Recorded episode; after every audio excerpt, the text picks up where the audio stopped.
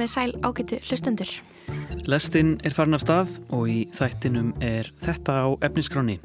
Þakkaræður á Golden Globe hátíðinni, sjónastættirnir Kaleidoscope og við hugum að hinnu karnivalíska í samhengi við 13. hátíðina í Vestmanniðum. I just want you all to know that I had such big dreams and expectations as a younger person, but what happened was that, you know, they get sort of fizzled by life or whatever, and, and you know, I thought I was going to be Queen of Monaco. Þarna nefnir hann það sem gaggrínundur hafa helst rættum, að þættirni sé einmitt ekki svo óvennulegir þegar kemur á söguþreyði, en auðlýsingabrellan í uppstokkun þáttana sé það sem laði áhundur að þeim. Ég heiti Lóabjörg Björnstóttir. Og ég heiti Jóhannes Ólafsson og þetta er lestinn miðugudaginn 11. janúar.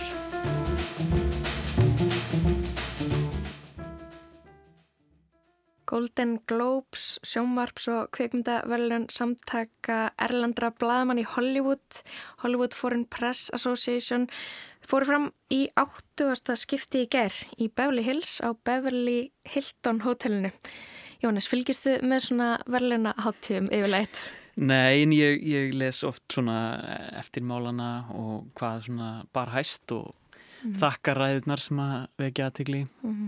Eða eru löðrungar eða eru löðrungar fær maður að frétta því eða gerist eitthvað svona merkilegt ef ykkur dettur og leiðin upp stegan eða eitthvað svona Já. Já. ég svona veltaði fyrir mig sko hvað er áhugaverst við þessar háttir og ég svona held að sé kannski svona þegar að einhver sem maður heldur með fær verðlun, það er það sem manni finnst skemmtilegt, einhver sem maður heldur mikið upp á fær loksins eitthvað viðkenningu eða einhver sem er búið að sniðganga lengi, einhver sem er búið að fá tilnefningu 20 sinnum fær loksins mhm. verðlun mm. Já, en svo er líka gaman að kynast einhverju nýju, einhver sem fær verðlun og maður er aldrei heyrt um en er bara tímalög snild. Mm -hmm. og maður er einhvern veginn uppgötar eitthvað nýtt. Þannig að veist, það er líka súliða háttíðum sem er svona jákvæð fyrir menningarneytendur. Mm -hmm. En svo er þetta oft bara ekkert það skemmtilegt og þetta er bara langt og svo er þetta alltaf næturnar.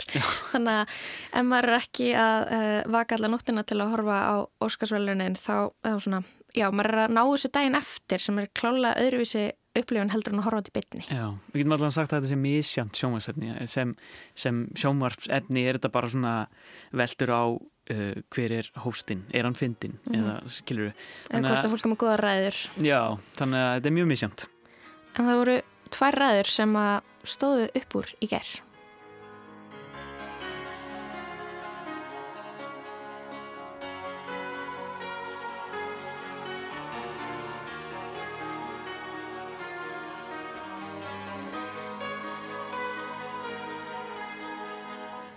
Dagurinn eftir verðlunaháttíð, dagurinn eftir Golden Globes, dagurinn sem við tárumst yfir þakkaræðum er runnin upp.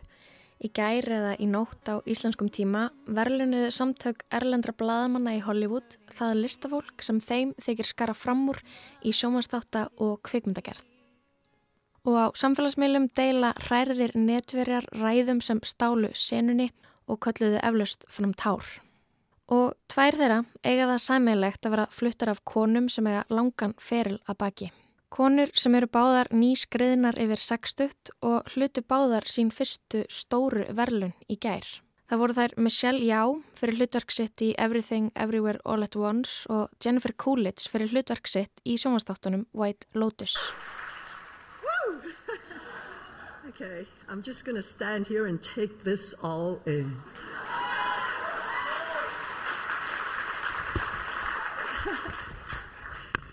40 years not letting go of this.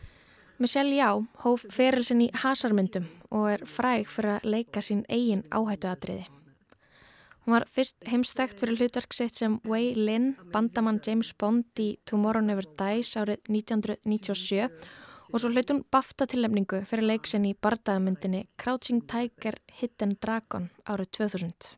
Í Everything Everywhere All at Once leikur hún innflytjanda sem reikur þvóttahús. Skatturinn er á eftir henni og svo fyrir ótrúlegur fjölheima hasar af stað.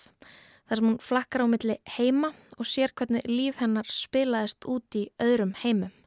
Leikur hennar í myndinni er frábær. I remember when I first came to Hollywood. It was a dream come true until I got here because look at this face. I came here and said and was told you're a minority, and I'm like, no, that's not possible. and then someone said to me, you speak English. I mean, forget about them not knowing Korea, Japan, Malaysia. Hún talar um í ræðisunni að hafa komið til bandaríkina og verða þá allt í einu talin tilhera minnihlutahópi. Hvað þýðir það fyrir leikonni í Hollywood? Það þýðir minna spennandi hlutverk, minni viðurkenning, en sennilega fyrst og fremst alls konar fordómar, ósynleir vekkir og hindranir. I, I just turned, I turned 60 last year. and I think all of you women understand this as the days, the years, and the numbers get bigger. It seems like opportunities start to get smaller as well. Eftir því sem hún eldist hafi tækifærin farið minkandi og hún beindi því til hvernana í salnum sem ættu flestra tengja við það.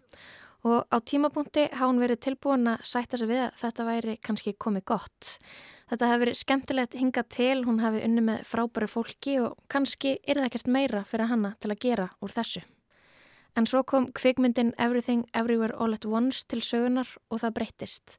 Nú er hún spennt fyrir næsta kabla. And this is also for all the shoulders that I've stand on, all who came before me, who looks like me, and all who are going on this journey with me forward. So thank you for believing in us. Hinræðan var flutt af Hi, I'm Jennifer Coolidge. en þessa rödd ættu flestir að kannast við. Við þekkjum hann úr American Pie myndunum sem kom út á árunum 1999 til 2012 þar sem hún leik móður Stiflers. Þar leik hún frægasta MILF í heimi, MILF sem stendur fyrir móður sem ég væri til í að sanga hjá. Also, you know, I got a lot of play of being a MILF and I um and I got a lot of sexual action from American Pie. Just you know what I mean? Like I'm just talking about the there were so many benefits to doing that movie. I mean there were about like like 200 people that I Já, would- hlutverkið hefði þau áhrif á lífi narra. Hún varð allt í einu mjög eftirsóttur bólfélagi. Leikonan og personan renna saman í eitt. Í gær eða í nótt hlaut hún verðlun fyrir hlutverk sitt sem Tanja í sjónvastáttunum White Lotus og þakkaræðan var frábær. Oh, wow. Thank you so much. Wow. And uh, thank you, Hollywood Foreign Press. That really means a lot. Thank you. I, wow, I Um, yeah, I can, I, I can put this down, right? No, I just, uh, uh, I don't work out, you know what I mean? I can't hold it that long. But, um, uh, you know, I, um, this is such a great night. I'm so glad to be here and be in the company of all of you. And um, Hollywood Foreign Press, thank you. I, I just want to say, you know, there were um, some of the people are in this room here. There were like five people that that kept me going for, you know, 20 years with these little jobs. And Ryan Murphy, you were one of them. You know, these these little jobs that like kept me going. I, there was it was like five five Catherine. It was like you know you Ryan and um, and let's see, we got well, who else was there? It was just you, Ryan. I. And I didn't get to say what I really wanted to say, which is, you know, I didn't get to say Mike White. I um, just, you know, I just truly, I, you know, I just want you all to know that I had such big dreams and expectations as a younger person. But what happened was they, you know, they get sort of fizzled by life or whatever. And, and you know, I thought I was going to be Queen of Monaco, even though someone else did it. But I, you know, I had these giant Ég ideas. átti you know, stóra drauma þegar ég var ung en lífið gerði það að verkum að þeir runnu út í sandin. En Mike White, handritsöfundur og leikstjóri þáttana White Lotus kom til sögunar. Hún segir White hafa veitt sér nýtt upphaf. Jafnvel þó að þetta séu endalókin þar sem að persóna hennar lesti í þáttunum. Jafnvel þó að þetta séu endalókin þá breytti hann lífennar. Og meðan hún flytur þakkaræðina beinist myndavélina White sem er hágrátandi. And I just want to say, um, Mike White, you have given me hope for just, you've given me a new beginning. Even this is the end, because you did kill me off, but it doesn't matter, because even if this is the end, you sort of changed my life in a million different ways. And my neighbors are speaking to me, things like that. And, and, No, I mean it. None of those people. I was never invited to one party on my hill, and now everyone's inviting me. Hún telur upp myndirnar sem hún leki í og alla þá sem hafa haldið feril hennar á lífi. Hún, rétt eins og já, leit svo á að þetta veri búið spil hjá henni. Enginn hafi viljað bjóða henni lengur í partí en nú vilja allir hanga með henni. Jennifer Coolidge er leikona sem að leikur oftast svolítið svipaða típu. Snirtifræðingin í Líkali Blond, Vondustjúpuna í Cinderella Story og Mömmuna eða Milfið í American Pie. Þessar personur hefur hún tólkað á fræganhátt og gert það svo vel að leikonan rennur saman við típuna. Mörg sem að hún leikur sér sjálf með. Oh my God. You look like the 4th of July. It makes me want a hot dog real bad.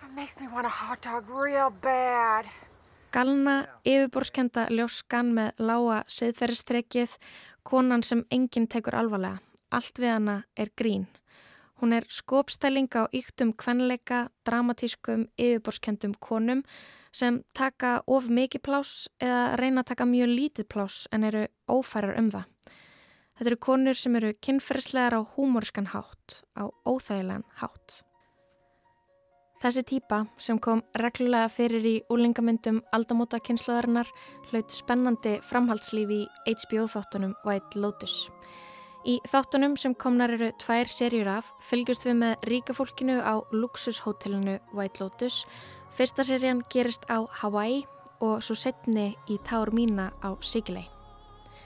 Þemu þáttarins eru samskipti yfirstjættarinnar við hérna vinnandi stjætt, forritindi kvítsfólks, samskipti kynjana, fíkn, sveik og þrúandi hlaðin samskipti nútímafólks í polariseriðu samfélagi. Spennustígið í þáttunum er alltaf hátt. Hvor þáttaröðunum sig hefst á líkfundi sem við sjáum síðan aðdraðandan að og áhrendur reyna að geta sér til um hver gæti hafa myrt hvern.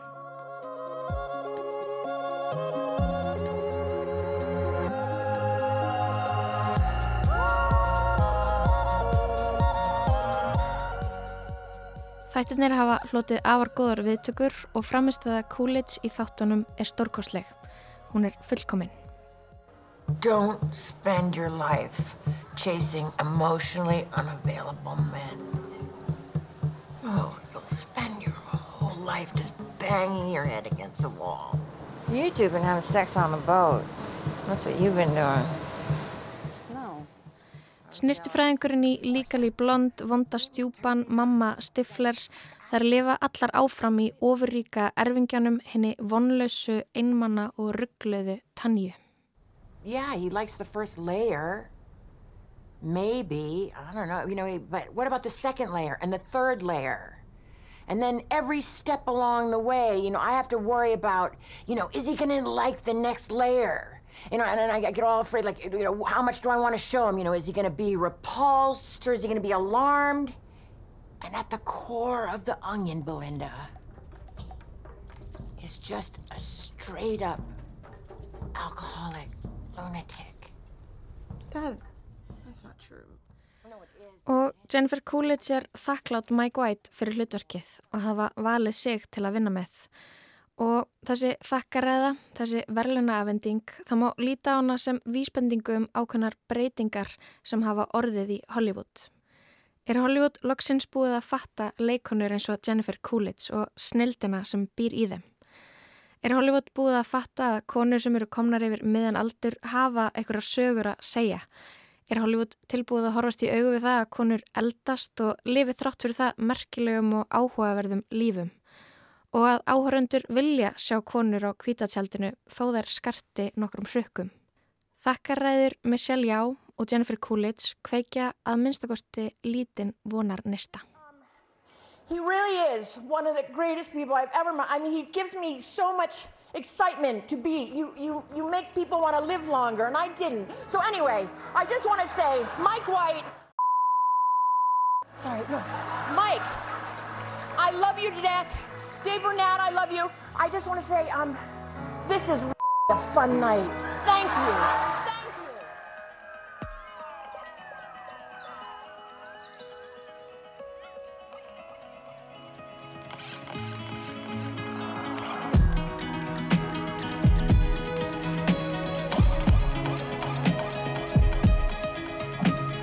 Good day in my mind, to take a step out, get some air now let your edge out. To some iceberg, you'll be heavy in my mind. Can you get the heck out? I need rest now, got me bummed out. You so, you so, you, baby, baby, baby. I've been on my empty mind,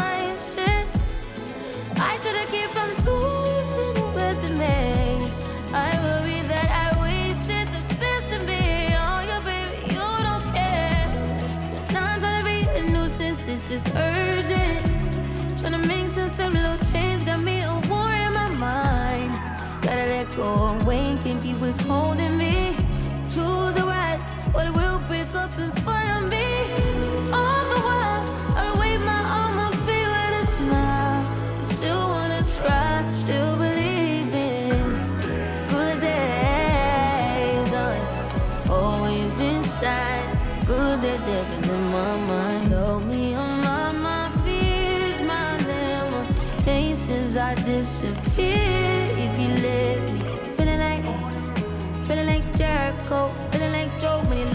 Shit. Gotta hold my own, my cross to bear a long night. Ooh, way to dip, way to kill the mood. No, you like that shit, can't groove baby, baby. Heavy on my empty mind, shit. I gotta keep from losing the rest of me. Still worried that I wasted the best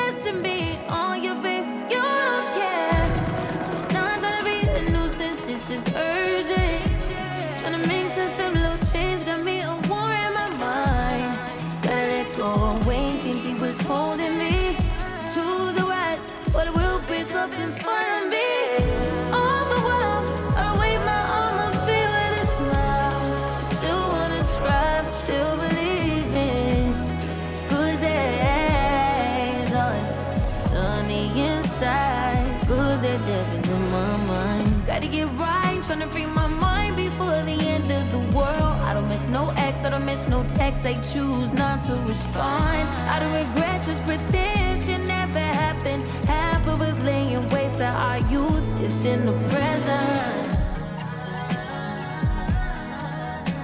Half of us chasing fountains of youth and it's in the present now.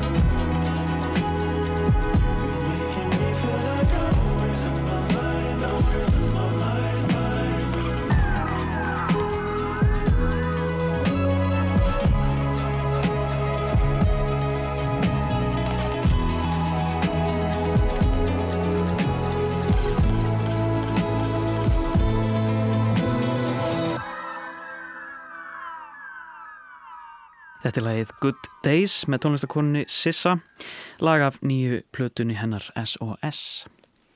Já, við ætlum að halda áfram í sjónvarpinu. Eirun Lóa Eiríksdóttir horfið á nýja þætti á Netflix, Kaleidoskóp.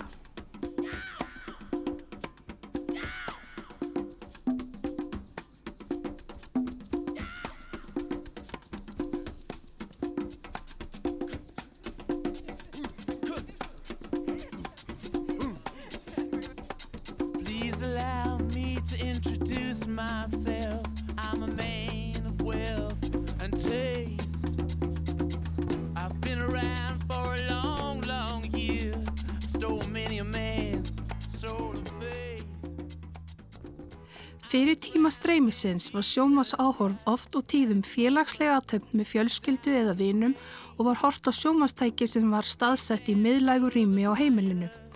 Daskra var línuleg, hófst á ákveðnum fyrirfram gefnum tíma og ekki var hægt að stöðva áhorfið eða flakka fram og tilbaka.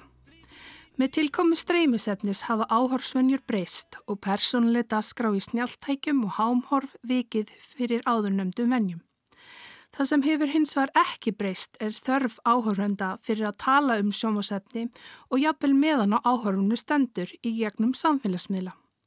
Ógnótt sjómasefnis hefur það í förmið sér að nokkuð erfitt er að veljúr hvað skulu horfa á og því fristandi að líta til vinsaldalista og þess sem aðrir eru að horfa á til að vera samráðu hæfur um það sem er efst á bögi hverju sinni.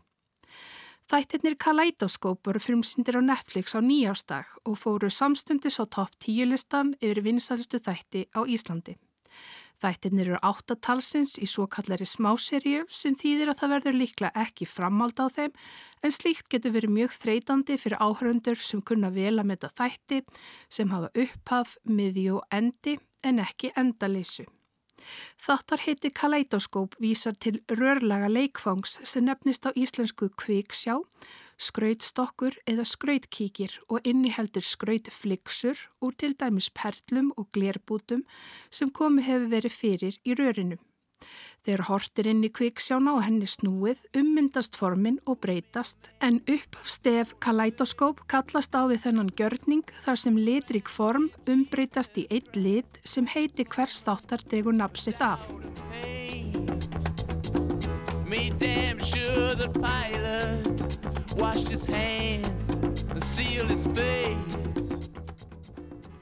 Það sem er helst áhugaverti þættina er síningaröðin en þeir eru stokkaður upp fyrir hvern einasta áhörenda sem þýðir að flestir horfa á þættina í sinni röðinni hver fyrir utan stuttan kynningarþátt í byrjun sem nefnir svartur og loka þáttin sem ber nafnið kvítur.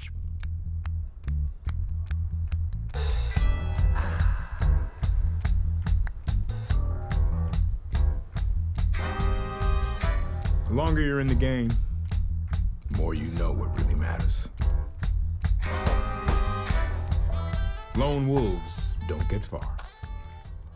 Reykningsglöggir hafa reiknað út að það séu 40.000 mismunandi leiðir til að horfa á þáttaröðuna en það er önnur saga.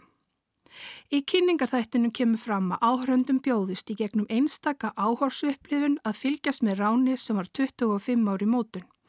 Hver þáttur fjallar um mismunandi tíma fyrir eða eftir ránið og virkar sem púsluspil fyrir þáttöku hvers og eins en þess má geta að þættirnir áttuð að nefnast púsluspil í byrjun og eru lauslega byggðir á sönnum atbyrðum. Þátturinn endar á orðunum þú ert nú að ganga inn í heim kviksjárinnar sem vekur upp hugreiningartengst við tölvuleiki og annað markmjölunefli. Svipið tilrunastarfsemi hefur áður verið reynd á streymisveitum en með miðskóðum árangri.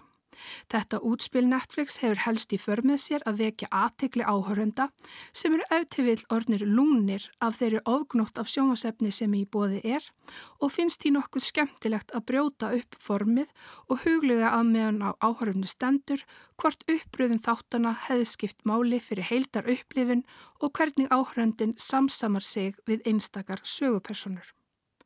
Í tímaröð eru þættirnir í eftirfærandi röð, fjólublár, græn, gulur, appisinugulur og blár sem eiga sér stað fyrir ránið, þátturinn kvítur hverfist um ránið sjálft og svo rauður og bleikur sem eiga sér stað eftir það. Fyrsti þátturinn sem ég horða á var gulur og var það nokkuð góður uppháspunktur þar sem þetta er sá þáttur þar sem aðalsögu hetjan setur saman ræningahópsinn. Það sem trublaði mig helst í síðari þáttum var að bleikur koma undan þættinum um ráni sjálft en þar með var aðal atbyrðun orðin að auka atriði. Þó eru allskinn smáatriði sem fara fram hjá áröndum í fyrsta áhorf og því verðt að horfa alla sériuna aftur og þá í tímaröð en þáttastjórnandin Erik Garcia hafði það í huga við gerð þáttana.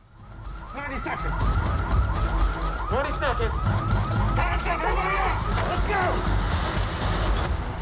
How we looking? Solid. Yeah. Real solid. Dollar, dollar bill, y'all. There's no such thing as an unbeatable vault. it's weatherproof, shockproof, and thief-proof. Þættirnir eru svo kallar hæst þættir í anda þátta eins og Money Heist og Ocean's Eleven kvikmyndana. Þeir hverfastu meistara þjóin Leo Papp sem Giancarlo Esposito leikur. Hann er áhörundum meðal annars kunnur úr Breaking Bad þáttunum og á hans stórleik í Kaleidoskóp. Ræningateimið er samansett að þekktum leikurum á borðið Paz Vega sem leikur hinn að argentísku Eve Mercer, Jay Courtney sem leikur Bob Goodwin Rosalind Elbey sem leikur konu hans Judy, Peter Mark Kendall sem leikur Stan Loomis og Jordan Mendoza sem leikur R.J. Acosta. Þessi ræningahópur er mjög áhugaverður og er kastljásunni beinta áhugamálum þeirra og styrkleikum, átökum og áraugsrum þeirra millig en einni góðri samvinnu þegar svo byr undir. Njúsa Núr leikur frustriran FBI-fulltrúa að nefni Nazan og kemur því vel til skíla hvernig það er að týnast í vinnunni, vera haldinn þráhyggju og hversu skadalegt það er fyrir fjölskyldilífið.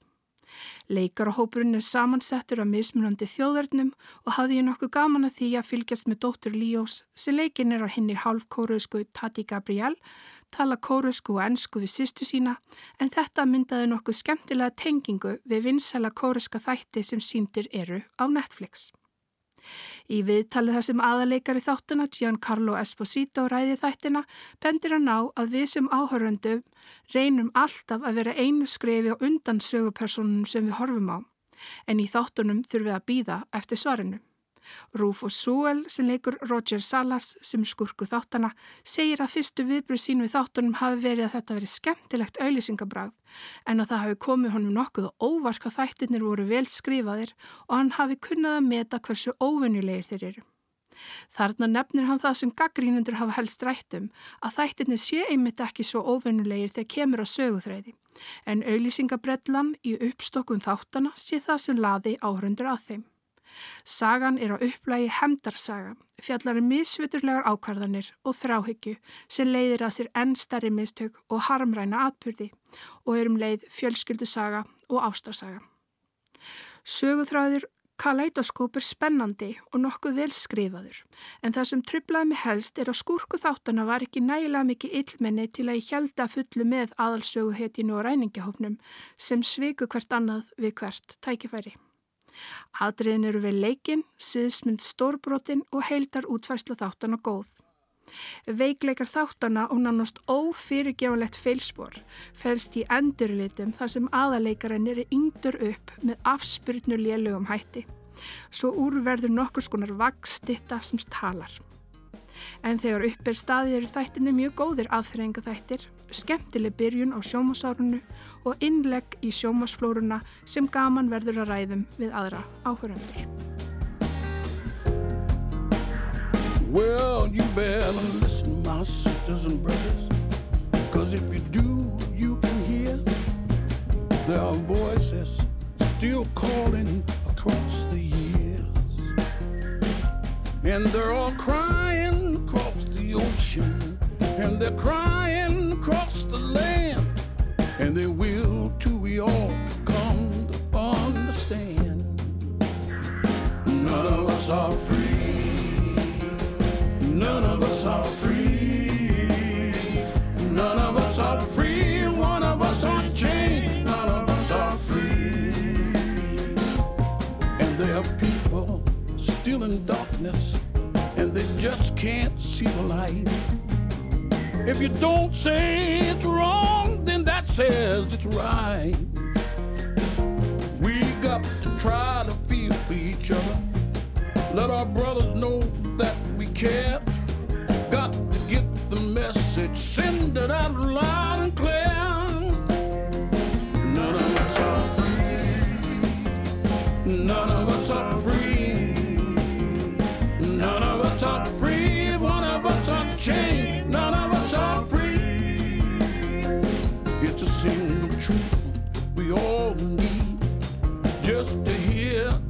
to see. None of us are free.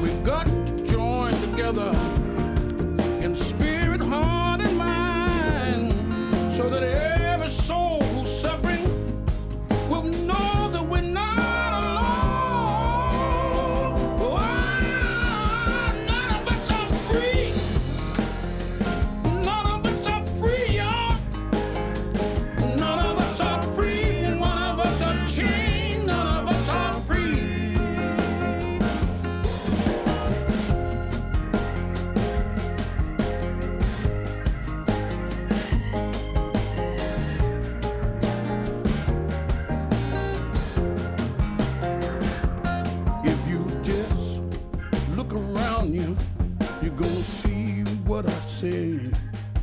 Cause the world is getting smaller each passing day. Passing day. Now it's time to start making changes. And it's time for us all to realize that the truth is shining bright right before our eyes. None of us are free. None of us are free. None of us are free. One of us is chained. None of us are free. Oh, none of us are free. None, none, none of us. None of us are free. Oh, not one of us. None of us are free. Well, one of us is chained. Well, none of us are free. Well, won't say again. None of us are free. None of us are free. None of us are free. None of us are free. None of us are free. If one of us is chained. None of us are free.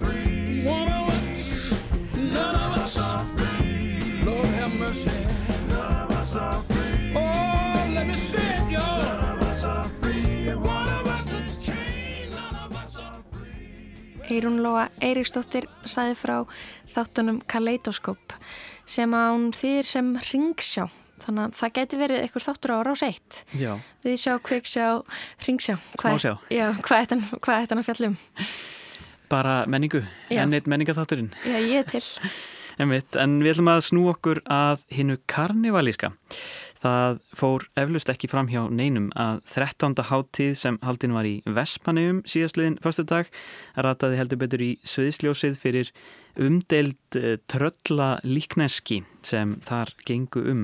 Háttíðahöld tengd 13. eiga sér langa og ríka hefð í eigum og lengi hefur það þekst að skapa ófrínilegar verur sem tákna þjóðþektar personur sem tengjast á einhvern hátt uh, tíðarandanum, fólk sem er gert stólpa grín að. Við fengum til okkar þjóðfræðing sem segir okkur aðeins hvernig þessi hátíð tengist öðrum svo kallum búninga og heimsóknar hátíðum og hvernig uh, hið karnivaliska getur hjálpað okkur að setja atbyrjuna í Vestmannum í skýrara samhengi.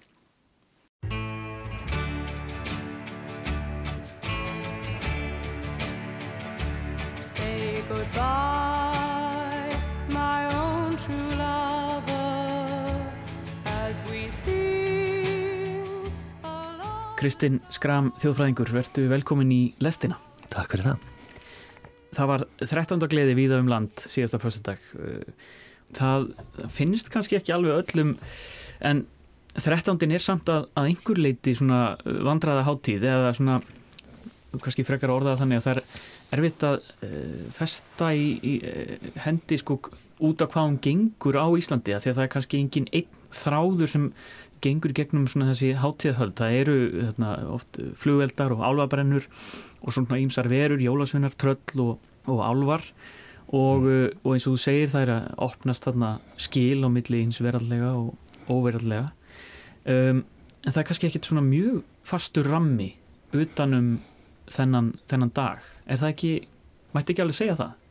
Jú, hefðirnar eru breytilegar í, í tíma og þar geta verið mjög svæðispundnar en þær hafa það auðvitað samiðilegt með öðrum svona árlegum siðum að, sem tengjast vetrar, sólstöðum, sömarsólstöðum, vor og haust jafndægurum að þetta eru breytingatímar og það kallar á svona ykkur skonar breytingasiði að færa okkur úr hátíðar ástandi yfir í, í hverstagslíf og um, jú eins og segir það samkvæmt þjóðtrú og þjóðfræði að þá opnast þarna einhvers konar brú á, á milli heima. Og um, já, það er hægt að færa þetta líka yfir í okkar félagslega líf þar sem að það er ekki bara þjóðtrúarverur sem fá að leika lausum hala heldur er það ímislegt í okkar samfélagi sem, sem er list úr, læðingi Akkurát. Og það er nú þannig að við ætlum að ræða aðeins uh, þetta, þessa hátíð í, í Vestmanniðum þar sem að er mjög uh, laung uh, hefð fyrir, fyrir um, já, mikilli gleði og, og miklum hátíðahöldum í tengslu við 13. þekkiru þarna eitthvað til þú veist, hefur hérna orðið, orðið var við það að þetta sé svona aðal, aðal staðurinn fyrir, fyrir 13. hátíð Ég er ekki sérfæðingur í svona þessum okkur dölbúningasýðum eða hátíðahöldum sem er þessi stað í Vestmanneum. Mm. Uh, ég myndi benda á frábæra Björgið uh, eh, hrefnu díunu viðarstóttur um þetta efni og, og einnig heimildamind sem hún vann með Sigvæti Jónssoni og Geir Reynisinni sem heitir Þrettandin. Hins vegar að þá eru þetta dölbúningasýðir sem þessir þekktir viða um heim á þessum ástíma í kringum Skandinavíu til dæmis að, að um, þá er kannski þekktast á þessum ástíma jólahafurinn sem kemur í heimsókn bæði fyrir og, og eftir jól. Nú það er uh, viða uh, siðir eins og þessir sem að, að reyna svolítið á uh, viðegandi hegðun og hafa leiði í rauninni til þess að, að brjóta reglu samfélagsins með ymsum hætti. Í Östuríki er, er til dæmis Krampus sem að, að gengur um með, með horn og, og byrkirhíslu og, og bjöllu og, og refsar óþekkum börnum Nú, uh, jólageitin í kringum hana er, er alls konar æsl og læti, uh, fólk gengur í hlutverkin og verður eitthvað leiti Eh, eitthvað annað og meira en það sjálft á meðan að, að á því stendur mm. og nú hér heima hafa dölbúninga og, og heimsóknarsiðir þekst svo sem viða eh, þau eru sterk í, í vestmennum eh, sérstaklega frá því kringum aldamótin en líka á, á ströndum til þess að gjögri á, hérna, á vestfjörðum barðastrand og, og þingeri og þar koma saman hópar og, og eh, oft unglingar eh, kannski 5 eða 10 í hóp og, og fara á, á milli húsa um, í Vestmannum hafðu sérstakann tólk í borgarlegum föttum sem talaði fyrir þau og, um, og þau komu inn á, á heimilið og uh, þar spreytti heimilisfólkið sig á því að, að þekkja það bak við grímurnar. Og svona siður er náttúrulega að vera strax til þess að, að þjapa fólki saman. Uh, en þau búa líka til ákveð rými fyrir alls konar hegðun sem er þykri gentilega viðegandi mm.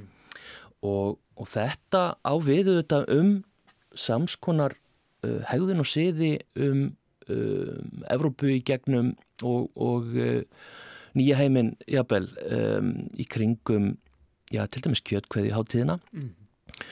og, og einnig á, á öðrum hátíðum hrekkjuvakan sem dæmi uh, gott eða, eða, eða grikk er á ekki bara við eitthvað, eitthvað grín heldur geng unglingahópar og milli heimila með, með æsl og, og læti mm.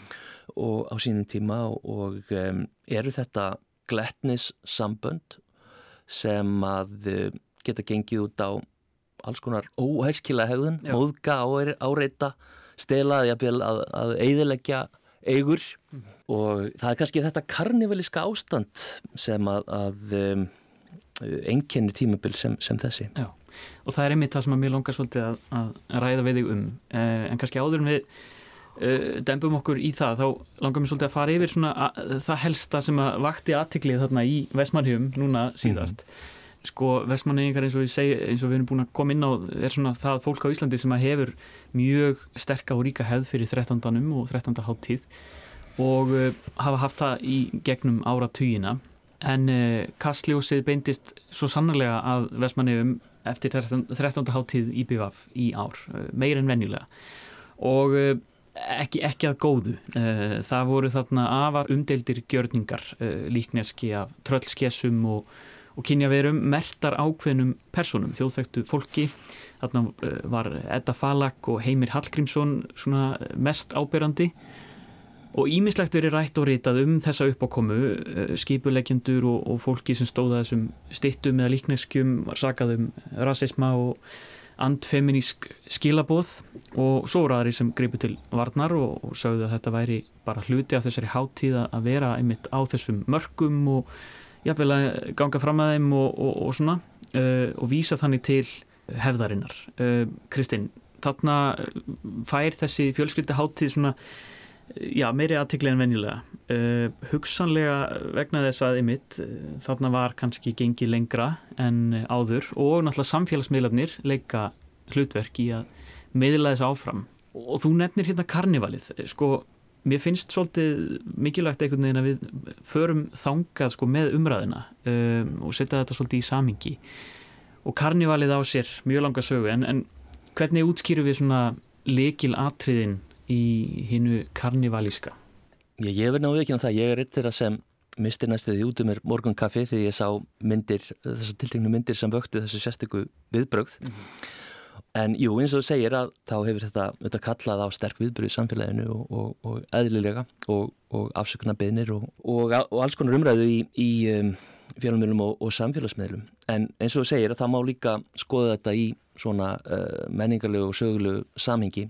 Hvers konar tímabilið er sem hátíð hvers konar háð er, er bara þarna á ferðinni og, setja það svona í, í samhengi. Og ég sem þjóðfræðingur og, og, og sem, sem stundar líka rannsóknir á, á um, já, húmor, hæðni, háði þetta uh, ganga svoleiðis rannsóknir út á að, að um, svona rannsaka eðli grín hæðunar, hvernig hóparnir sem tilenga sér hana skiljana mm. og um, við höfum kannski í þjófræðinu lagt minni áherslu á, á endilega félagslega tengslega meiri á orðlist, hvernig skipst er á móðgunum, rekkjum, svona þessar svo kallu tvendarhefðir þegar tveir deila með sér húmor, mynda með sér grínsamband og oft gengur það mitt út á leiði. Svona enga húmor. Enga húmor og, og sem á sér stað á ákveðnum tíma og ákveðnum stað. Nú svo þegar bætist þar inn í tímabill, uh, hvort sem það er kjött kveðjuháttíðin eða jaðarháttíðir á borð við þrettandin mm. Að þá er líka sko, afmörkun í tíma og, og rúmi og e, þar er einhvers konar samfélagsögur sáttmáli um að ganga megi lengra en á öðrum dögum. Í karnivalin til forna byrtist alls konar form af óviðandi húmor og ég veit ekki hvort það vara fólk við sem er að ferðast um í bílum sínum með börn í bílunum að skrúi niður í takkinni mm.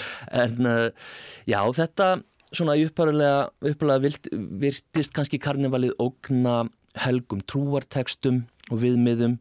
Um, stundum var það mannfjöldin sem tók þátt í þessu og mjög oft.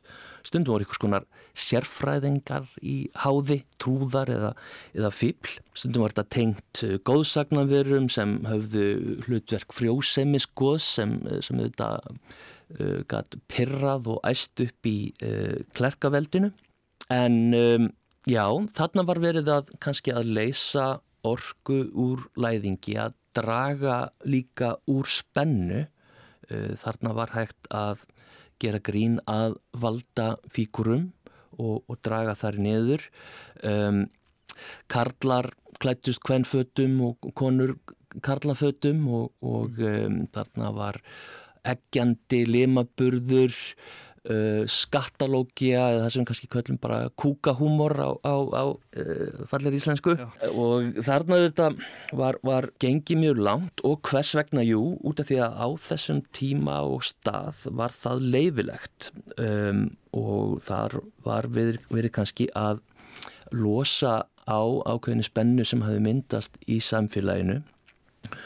Og auðvitað höfðu valdamenn á þessum tíma ólíkar skoðanir á hvað væri að fara þarna fram.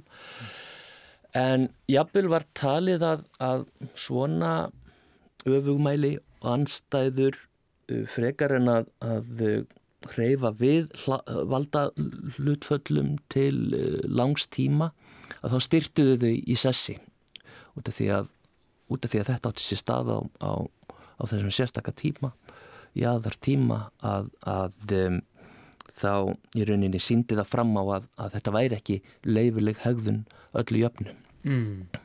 Þannig að þetta styrkir kannski bara, eða svona valdhafanir sá kannski bara á endanum einhvers konar hagi í því bara að fá svona hreinsun meðal fólks. Það er einn tólkunin mm. og, og uh, þetta er svona um, alltaf spurningi sem kemur upp þegar við veltum fyrir okkur uh, mætti uh, húmors og hæðni til þess að, að komast að raunverulegum breytingum í samfélaginu mm.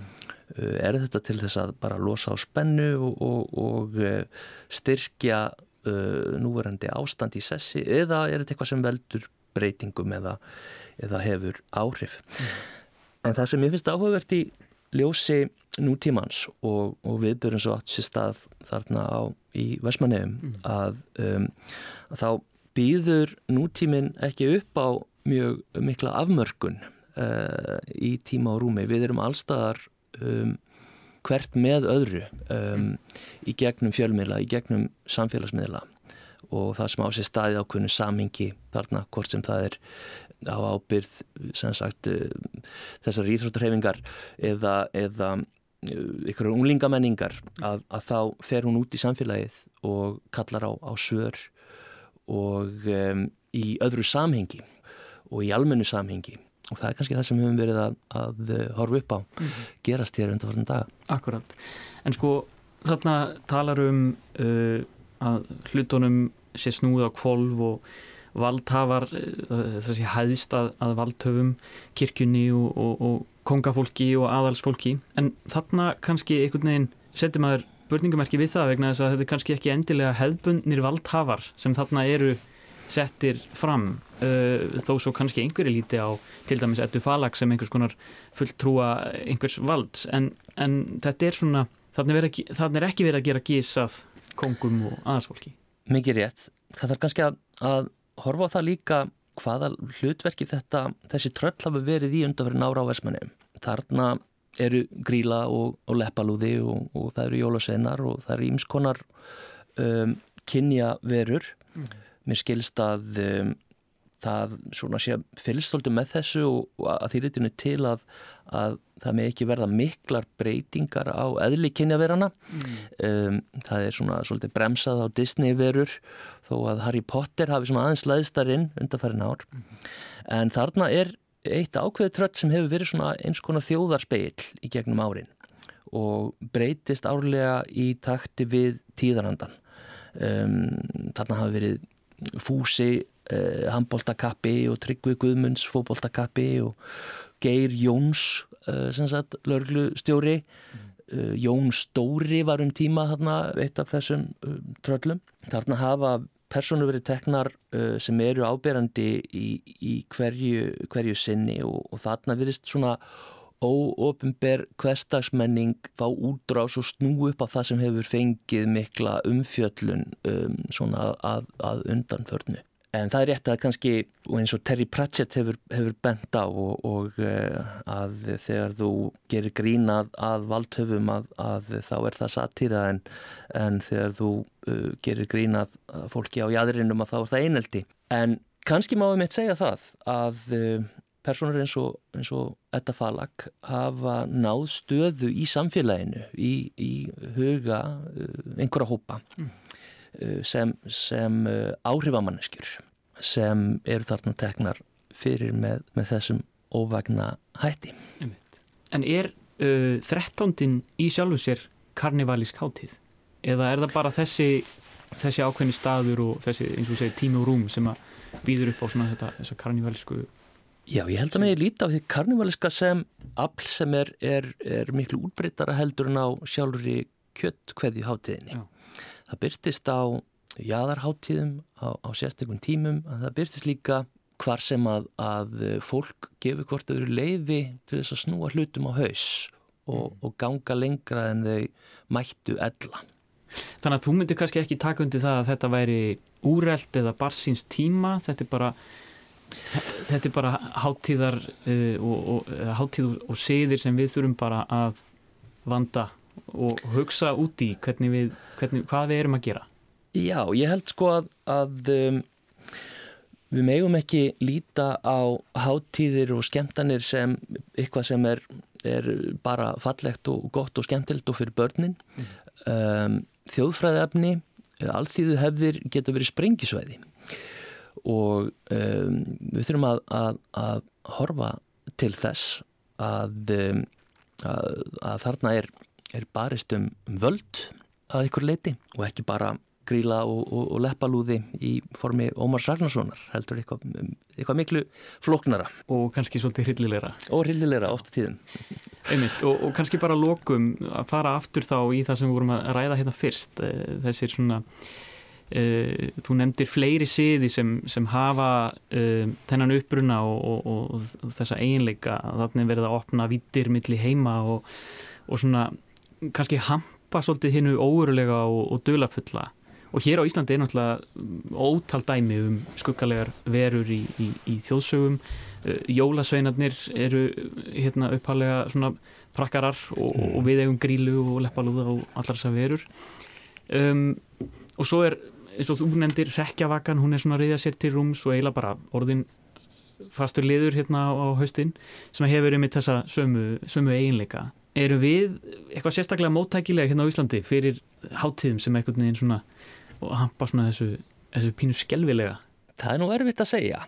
Við erum greinilega Íslandingar mjög móttækileg um, fyrir um, svona hinnu hinnu stórkostlega, hinnu ógvænlega og uh, það má sjá á, á einmitt þjóðsögum okkar að, að um, þar heillumst við af hinnu óhugnarlega og tröllin okkar eru kannski mjög gott dæmi um það.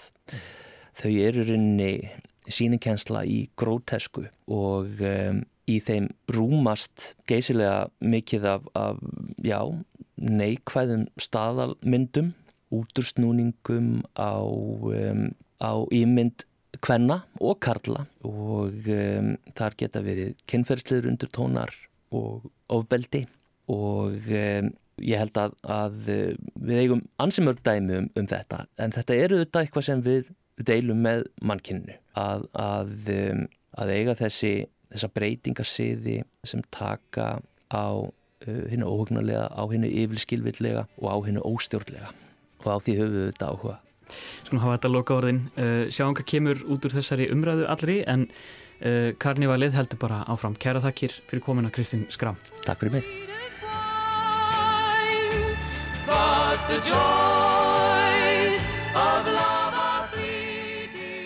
The Carnival is over. Karnivalið er búið. Lag eftir Tom Springfield fyrir áströlsku folk-pop sveitina The Seekers sem gerir það gott í sexunni. Lægið er byggt á rúsnesku þjóðlægi frá setnilegta 19. aldar og eh, er svona, já, aðlagað og sungið með ennskum texta. Þetta var einn af helstu smellum Seekers og yðurlega loka lag sveitarinnar allt frá árnu 1965 smá fróðlegsmóli hérna. Þar áður rættu við um karnival og aðrar sveipaðar háttíðir í samhengi við 13. háttíðina í Vestmannium síðastlegin förstu dag sem Olli Usla. Já, en við erum komin á endastöð hérna í lestinni í dag. Við verum hérna aftur á sama tíma á morgun og auðvitað hvernig sem er í spilarunum og öllum helstu hlaðvarpsveitum. Tæknumæður var Kormokur Marðarsson og við Jóhannes og Lóa þökkum fyrir okkur. Verðið sæl.